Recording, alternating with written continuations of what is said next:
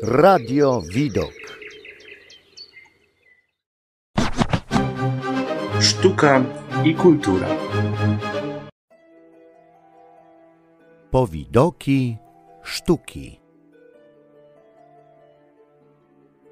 Drodzy słuchacze Radia Widok, nazywam się Alicja Francikowska i jestem historykiem sztuki. Bardzo serdecznie zapraszam Was do wysłuchania podcastu o rubensowskich kształtach. Oj, pojadłam sobie w święta. A gdy tak nakładałam kolejny serniczek, myślałam o drugim podcaście – czy w historii sztuki istnieje jakiś temat, który idealnie wpasowywałby się w poświąteczne poczucie przepychu, nadmierności i potrzeby przejścia do klasycyzmu, a więc klasycznego poszukiwania piękna i harmonii we własnym ciele po tygodniu całkowitej rozpusty? Od razu wpadł mi do głowy Rubens choć nie był artystą wcale grubym. Ale już jego druga żona przeszła do historii jako piękna i zmysłowa kobieta o charakterystycznych, soczystych kształtach. Coś tu nie gra. Przyzwyczajeni jesteśmy do opowieści o artystach przymierających głodem. Tymczasem w dziełach Rubensa widzimy jego wybrankę dość e, korpulentną. Zapewne wynika to z faktu, że artyście temu powodziło się znakomicie. Ten flamandzki geniusz ceniony był przez papieży i książąt ówczesnego świata. Był nie tylko malarzem, lecz także dyplomatą i dworzaninem. Znał kilka języków obcych, a w wieku 21 lat został samodzielnym artystą, którego przyjęto do antwerpskiej gildii świętego Łukasza. O właśnie, Warto jeszcze nadmienić, że urodził się w Siegen Westfalii w roku 1577. Jeszcze przypomnijmy tak bardzo ekspresowo i żeby zbytnio naszego słuchacza nie zanudzić, że w XVI wieku miał miejsce religijny i polityczny podział na katolicką Flandrię, czyli południową część Niderlandów oraz północną Holandię. Z punktu widzenia historii sztuki to dość ważne, bo jednolita dotąd sztuka Niderlandów podzieliła się na dwa nurty: sztukę flamandzką i holenderską. Rubensa będziemy nazywać zatem malarskim geniuszem katolickiej Flandrii. Flandria potrzebowała wspaniałej i imponującej sztuki religijnej. No bo pamiętamy, był i Sobór Trydencki, walki protestantów z kultem obrazów, ale wróćmy do naszego Rubensa. Porządny malarz, nie mógł poprzestać na zdobytej w kraju wiedzy. Nasz artysta wyruszył więc na nauki do Włoch. Odwiedził moją ukochaną Florencję, Wenecję i Rzym. W 1600 roku został nadwornym malarzem księcia Mantui Vincenza I Gonzagi. Jeśli Rzym i całe Włochy zwiedził, to wiadomo, poznał antyk oraz wybitne dzieła mistrzów renesansu. Jeszcze warto dodać, że takim artystycznym wzorem dla Rubensa był Tycjan. A Tycjan weneckim kolorystą był. Po ośmiu latach, o rany, ośmiu latach we Włoszech, jak ja mu zazdroszczę. Ale wróćmy do głównego wątku. Właśnie nasz Rubens po ośmiu latach we Włoszech osiadł w Antwerpii. W 1609 roku mianowano go nadwornym malarzem namiestnika Niderlandów. Tak więc, po naszemu mówiąc, no hajs mu się zgadzał.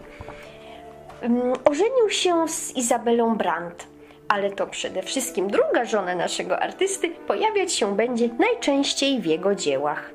Drugą żoną stała się bowiem od 1630 roku Helena Fouchemont, co tu dużo mówić, uosabiała barokowy ideał kobiecej urody.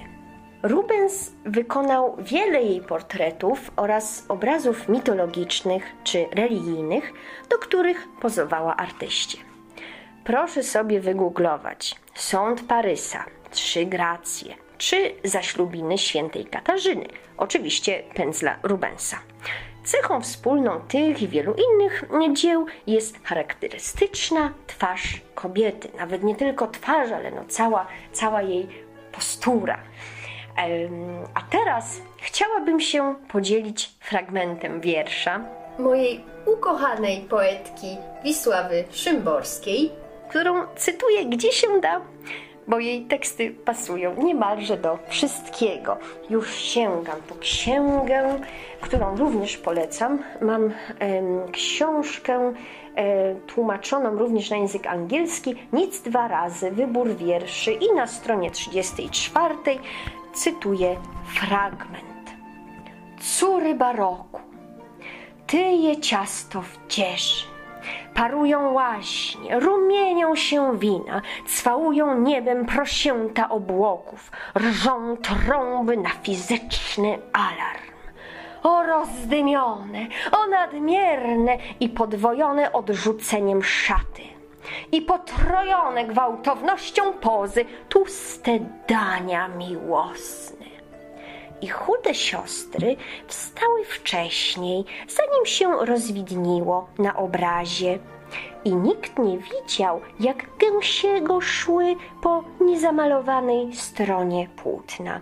Wygnanki stylu, żebra przeliczone, ptasia natura stóp i dłoni, na sterczących łopatkach próbują ulecieć. XIII wiek dałby im złote tło Dwudziesty dałby ekran srebrny. Ten siedemnasty nic dla płaskich nie ma. Albowiem nawet niebo jest wypukłe, wypukli aniołowie i wypukły Bóg Febus, wąsaty, który na spoconym rumaku wyjeżdża do wrzącej alkowy. No czy to nie jest cudowne? No kurczę, no jest noblistka. No przecież możemy nawet nie widzieć tych obrazów, ale jak y, czytamy ten wiersz, to my wiemy o co y, Rubensowi chodziło, czym był barok. Za, za, pomocą, za pomocą tekstu, za pomocą tego wiersza po prostu możemy odczuć, odczuć te rubensowskie kształty. Ale żeby nie, nie było tak e, pięknie i soczyście, no, obraz ten muszę zburzyć pewną opinią, którą sobie znalazłam u Michała Żmigrodzkiego. To jest e, fragment tekstu z 1908 roku i uwaga, zacytuję. Cóż on na ten temat sądził? Uwaga. Spasłe tłuszczem nalane postacie ludzkie, splątane w najdziwniejsze węzły i grupy, są po prostu wstrętne i robią wrażenie rzuconych na kupę jelitów, jak to się w rzeźni widzieć nadarza. Trzeba zaznaczyć, że to jest rzeczą najzupełniej nienaturalną, bo nigdzie na całym świecie nie ma społeczeństwa wyłącznie z jasnowłosych, a różowych tłuściochów, z których co najmniej połowa jest opasłych, a niektóre jednostki są tak że gdyby ich ramię silniej ścisnąć, to tłuszcz by trysnął strumieniem. E, koniec cytatu. Bardzo emocjonalnie podeszłam do e, tego e, cytatu, proszę się nie gniewać, ale ten barokowy nastrój udziela mi się również w mojej intonacji i w moim głosie. No właśnie, a wy drodzy słuchacze, co sądzicie o rubensowskich kształtach? Jeśli się Wam przytyło po świętach, na poprawę humoru polecam Wam prześmieszną stronę o tytule Rubens był z Bytomia. Czy pamiętacie z naszego podcastu skąd tak naprawdę był Rubens? Dla Radia Widok mówiła Alicja Francikowska.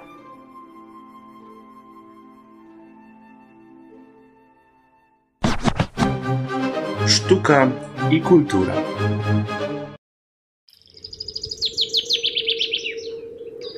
Radio Widok.